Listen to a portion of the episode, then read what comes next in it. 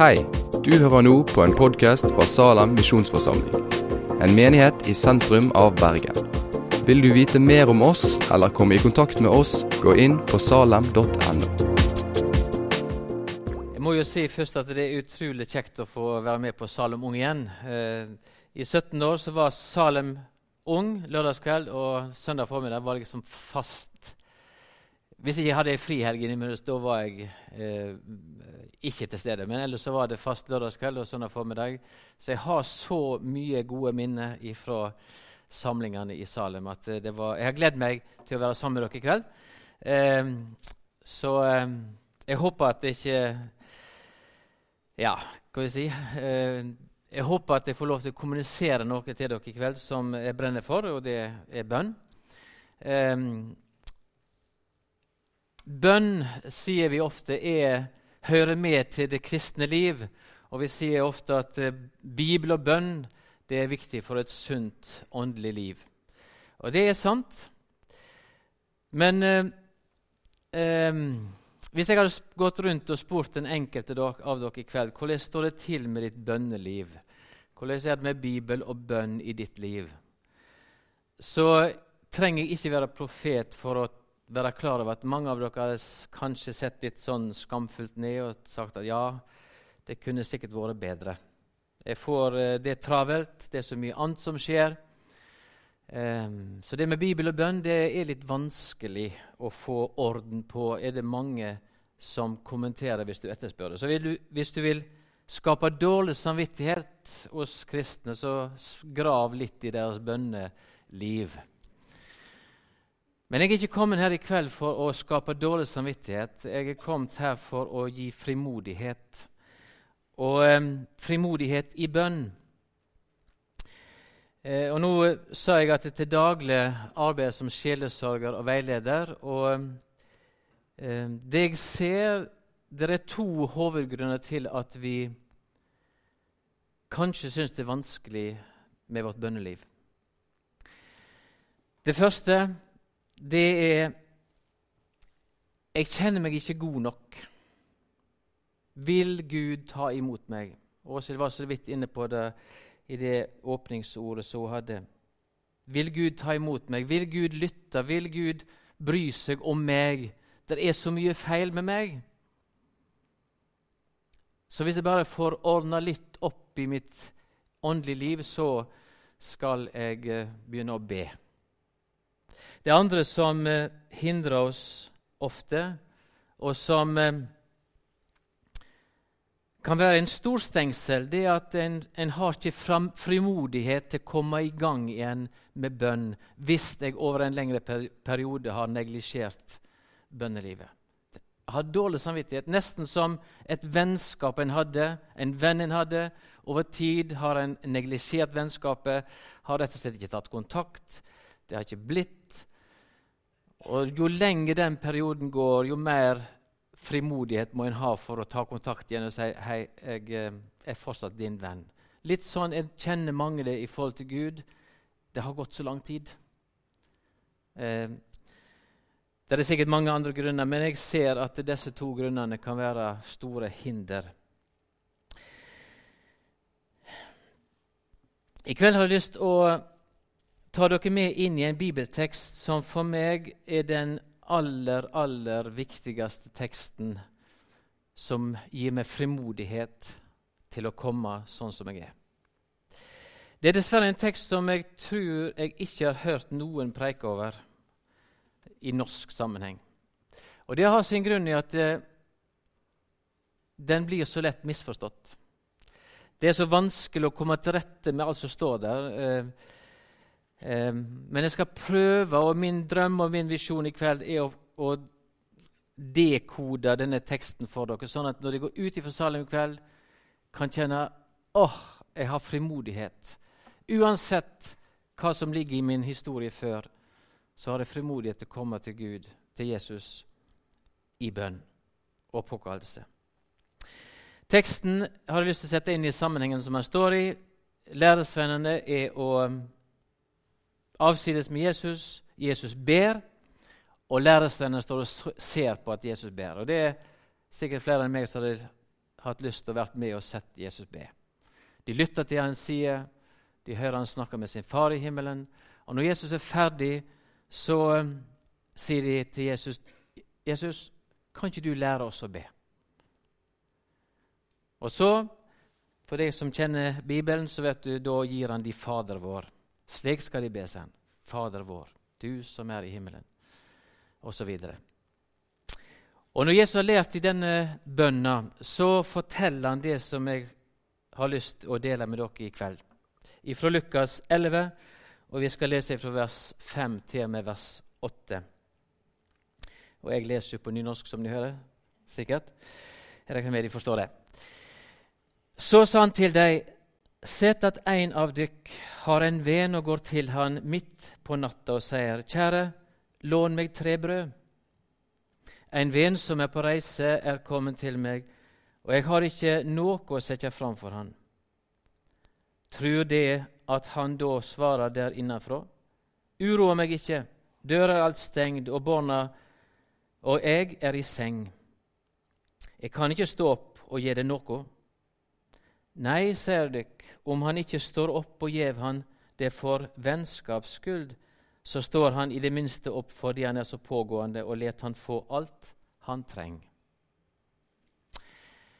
For meg er dette teksten som åpner bønnefrimodighet. Døra for bønnefrimodighet på vidt gap. Men det Jesus forteller her, det er så kulturelt langt borte fra den sammenheng som du og jeg står i til daglig, at vi har ingen sjanse til å forstå hvor radikalt det er, det Jesus forteller. Og Det er det jeg har tatt med mål av å prøve å gi til dere i kveld. Det er faktisk ingen sjanse at du og jeg ut ifra bare å lese den teksten For vi tolker det ut ifra den sammenheng vi står i. I den kultur vi lever, så tolker vi det vi leser. Det var fem år i bushen. Jeg bodde, eller meg og familien, jeg har ikke sagt så mye om den. Jeg har ei kone, fire barn, fire svigerbarn og snart tolv barnebarn, så de skjønner jeg er rikt velsigna og gammel. Men eh, eh, når vi reiste til Indonesia så bodde vi fem første årene i en liten landsby som heter Sihabong-Habong. Det var ikke strøm, det var ikke innlagt vann. Det var så avsides og isolert som du kan tenke deg. Et brev tok 14 dager til Norge, og det tok 14 dager før vi fikk svar. Så ifra vi skrev et spørsmål til Norge og til vi fikk svar, så gikk det en, en måned ca. Jeg ser at de får jo angst bare ved tanken. Snapchat! Nei. ok. Eh, så vi hadde et fredelig fem år. Men vi kom inn i en kultur som ga meg en tolking av denne teksten som bare er helt fantastisk.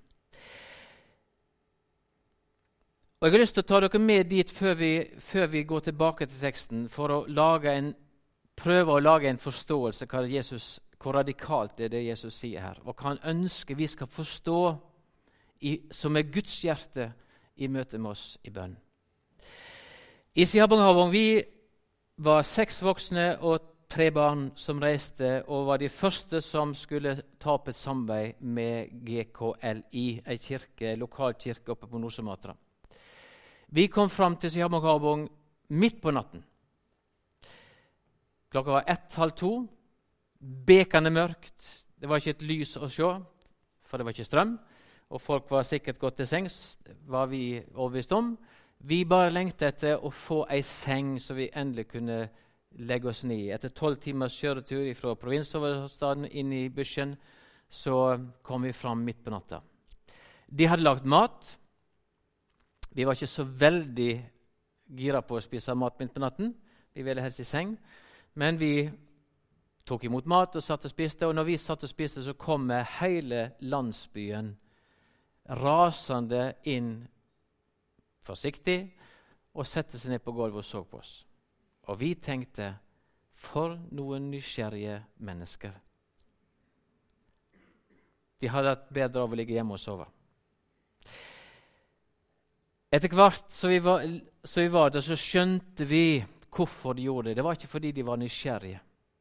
Men de, ut ifra deres kultur, hadde et ansvar å ta imot sine gjester, selv om det skjedde midt på natten.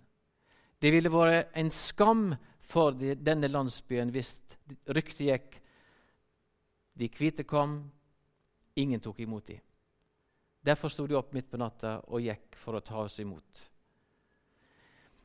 Senere, og Jeg hadde mange sånne eksempler, men jeg skal ta med dere ett eksempel til som sier noe om en, en annen kultur for hvem i Norge hadde gjort det. Vi hadde bygd hus Eller vi hadde ikke bygd hus, vi hadde fått folk til å bygge hus for oss. Um, og vi måtte en gang i måneden cirka til provinshovedstaden og prova, kjøpe proviant for å ha mat. For det var ikke så mye mat vi fikk tak i der oppe, annet enn grønnsaker og litt sånn levende dyr. Um, og vi hadde låst døra på huset. Det fineste huset i landsbyen, selvfølgelig. Og vi dro til byen, til provinshovedstaden. Når vi kom tilbake, så var det svidd i plenen utfor huset vårt, et svimerke som etter et bål. Og igjen tenkte vi hvem i all verden har vært så frekk at de har sittet utenfor huset vårt og tent opp et bål? Så lærte vi ikke så lenge etterpå at det var landsbyhøvdingen som hadde sete der om natten og passa huset vårt. Og Da snudde bildet seg litt, og vi tenkte wow, hva betyr det? Og Igjen lærte vi en brikke av en kultur som vi, vi kaller for skamkultur. Men igjen, han tok på seg et ansvar så ikke noe, noen skulle bryte seg inn i huset vårt. For hvis noen hadde brutt seg inn i huset vårt mens vi var vekke, så ville det være landsbyens store skam skjønner de litt av eh, kultur når vi snakker om skamkultur. Kanskje noen av, dere studerer litt eh, sånn antropologi og tverrkulturell forståelse. Skamkulturen har sine koder, sine nøkler å leve etter, som ikke vi automatisk forstår. Det ligger en forpliktelse i å gi og ta vare på. Vi skal gå inn i teksten igjen. Eh, det som denne personen kommer til sin venn midt på natta og spør om, det er Kjære, lån meg tre brød. Den setningen forteller oss at den personen som kommer og ber om tre brød, han har ikke gjort jobben sin. Han har vært lat, for i jødisk kontekst og kultur på den tiden så var det fast rutine å bake brød. For brød var det de brøt brød, og så tok de andre eh, ingredienser som spiste, og så spiste de med brød. Han hadde ikke gjort det han var forplikta til å gjøre. Han hadde vært lat. Men fordi han visste at han hadde en venn, så gikk han til han midt på natten. Og i kulturen så visste han han kommer aldri til å avvise meg. Han kommer til å ta meg imot.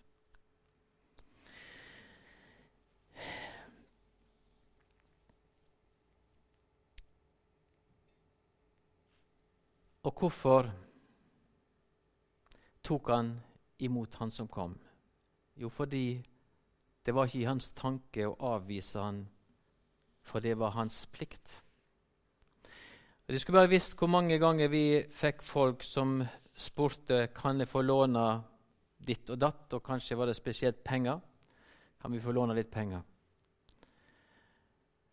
Vi tenkte i vår naivitet ut ifra kulturell forståelse og bakgrunn så tenkte vi ja, ja, de skal få låne penger, så de betaler sikkert tilbake når de får penger.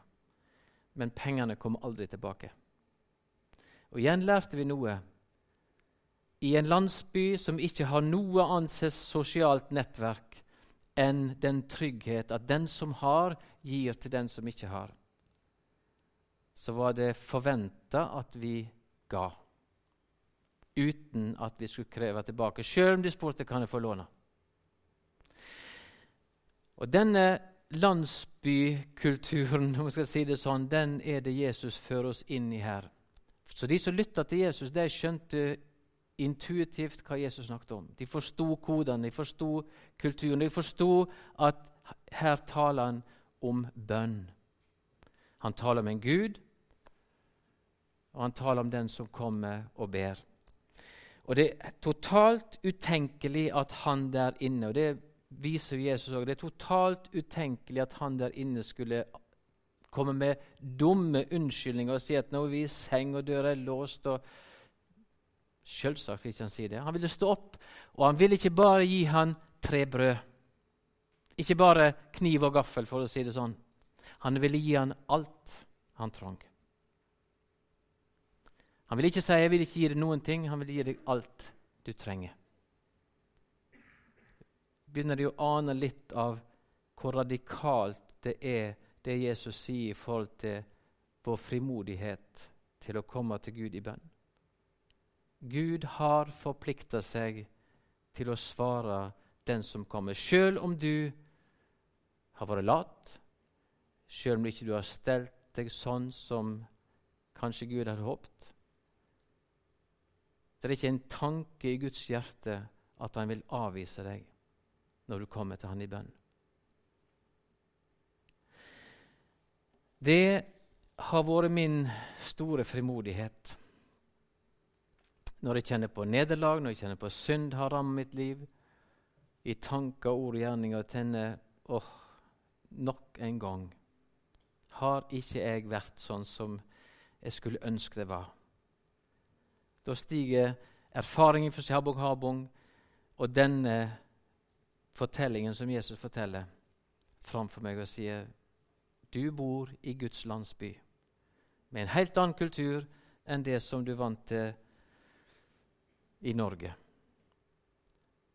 Der Gud er den som har, og jeg den som ikke har. Og jeg får lov til å komme akkurat sånn som jeg er. Og Derfor så så heter det i fortsettelsen, og vi kan få opp resten av den teksten Og Derfor sier Jesus, han understreker det så sterkt, og jeg sier dykk, be, så skal det få. Leit, så skal det finne. Bank på, så skal det lates opp for dykk. For den som ber, han får, og den som leter, han finner, og den som banker på, skal det lates opp for. Fins det en far mellom dykk som gjev sønnen sin en orm når han ber om fisk? Eller gir han en skorpion når han ber om egg? For da, når da det som er vonde, veit å gi barna dykkar gode gaver, hvor mye mer skal ikke da Far i himmelen gi Den hellige ande til de som ber Han? Kan det understrekes mer? Så om du skulle være og tenke at jeg er ikke god nok, vil Gud ta imot meg? Jeg håper du hører det som jeg prøver å formidle til deg, og si at det, det er ingenting som tilsier at Gud vil avvise deg. Og Jesus sier det også selvfølgelig på denne måten. Kom til meg, alle de som strever og tungt å bære, og jeg skal gi dere hvile. Så ha frimodighet. Prøv å huske dette. Det er punkt nummer én som jeg har lyst til å dele med dere.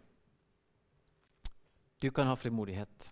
Kom i bønn med ditt behov. Og Så er det en annen side ved bønn som jeg òg har lyst til å trekke fram for dere. Det òg var toucha innom innledningsvis i møtet i dag. Um, og det er denne definisjonen som Hallesby gjør på bønn. Å be er å lukke Jesus inn i sin nød. Og Vi skal lese Johannes' åpenbaring 3,20.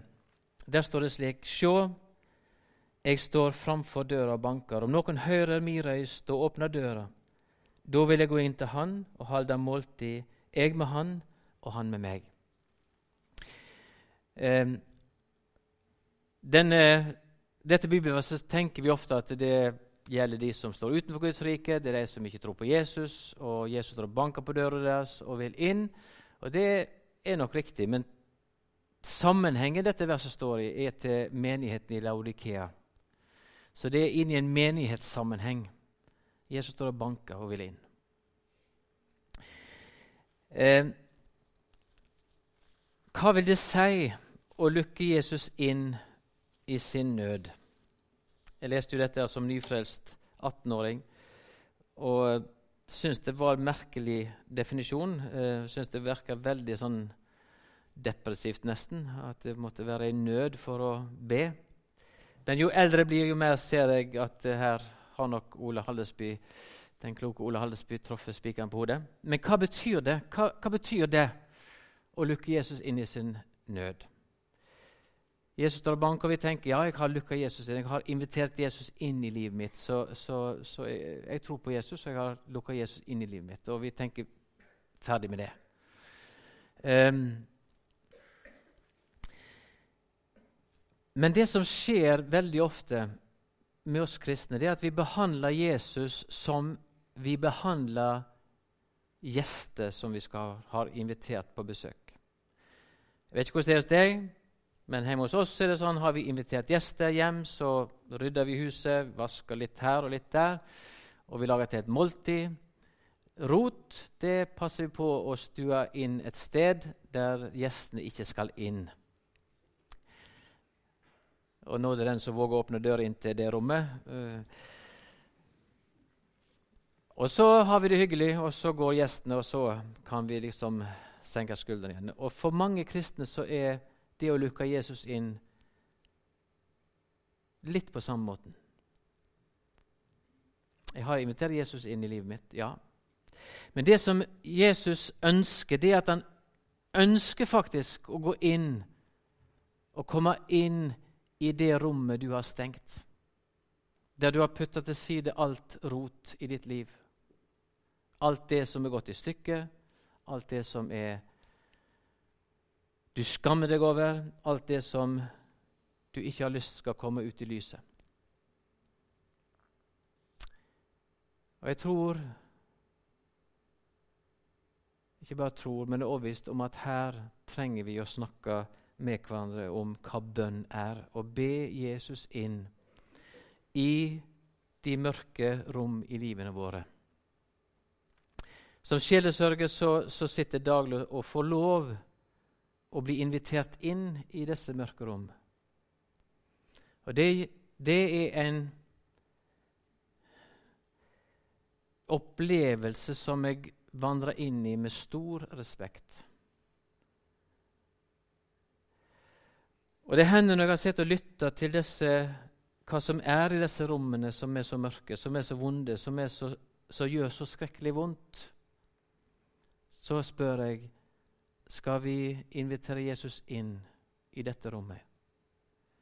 Da blir noen forskrekka, noen blir redde, og noen blir glad. Og Det som jeg erfarer igjen og igjen når mennesker våger å be Jesus kom inn i dette rommet i livet mitt.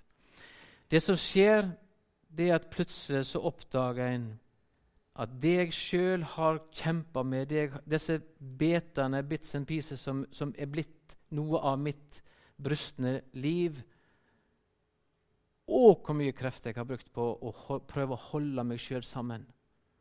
Og Plutselig så oppdager jeg at Jesus får lov til å ta også det og så er det som Jesus steller et måltid som vi skal feire kveld. Han steller klart et måltid, og så får han lov til å ta også den biten. De som blir redde, det handler veldig mye om at det er noe i livet jeg ikke vil slippe taket på. Jesus kan få lov til å komme inn, men det er noe i meg som jeg ikke vil slippe taket på. Kommer Jesus inn, så vil han gjerne ta det ifra deg og lette den, det bandet som binder deg. Og Det å lukke Jesus inn i sin nød, det er en viktig prosess i bønn. Så jeg får lov til å komme med frimodighet til Gud i bønn fordi han, det er ikke en tanke i hans hjerte og viser meg bort. Men samtidig så søker Gud meg, og kanskje det er det som skjer først. Han søker meg og vil inn i hele mitt liv, slik at han får lov til å skape den fred og glede som bare han kan gi. Så å be, for å, for å summere det opp i det som jeg har lyst til å dele med dere i kveld Det er så mange ting å si om bønn, og det er så mange typer bønn. men jeg hadde bare lyst til å dele disse tingene med dere. Be er at du skal få lov til å komme akkurat sånn som det, med frimodighet. Og det andre er at Jesus ønsker og lengter etter å komme inn i ditt liv. Og når han får komme inn, og det ser jeg igjen og igjen, når han får komme inn med sitt evangelium, så vekkes det et nytt liv hos det mennesket som våger å gi slipp på alt det som jeg er så redd for at Gud skal se. Han ser det allerede, men han bryter seg aldri inn. Og Det er jo det klassiske bildet fra Johannes' åpenbaring. Jeg står og banker på utsiden, det er ingen dørhåndtak på utsiden. Det er du som må lukke opp. Men husk, Jesus vil deg bare vel. Skal vi be. Kjære Jesus, takk for at vi får lov til å komme til deg akkurat sånn som vi er. Takk for at du vet at vi er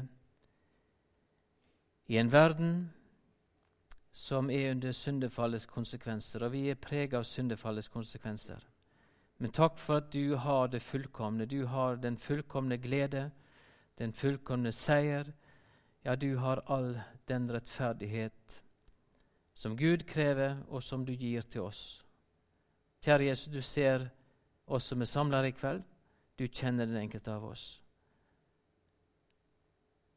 Måtte vi ha frimodighet og uten frykt invitere deg inn, like inn i det mørkeste rom i livene våre. Så du kan reise oss opp og gi oss frimodighet, trygghet, ja, den fred som overgår all forstand. Kjære Jesus, det ber vi om. Herre Jesus, la det skje i kveld i den enkelte sitt hjerte, Jesus. I ditt navn vi ber. Amen.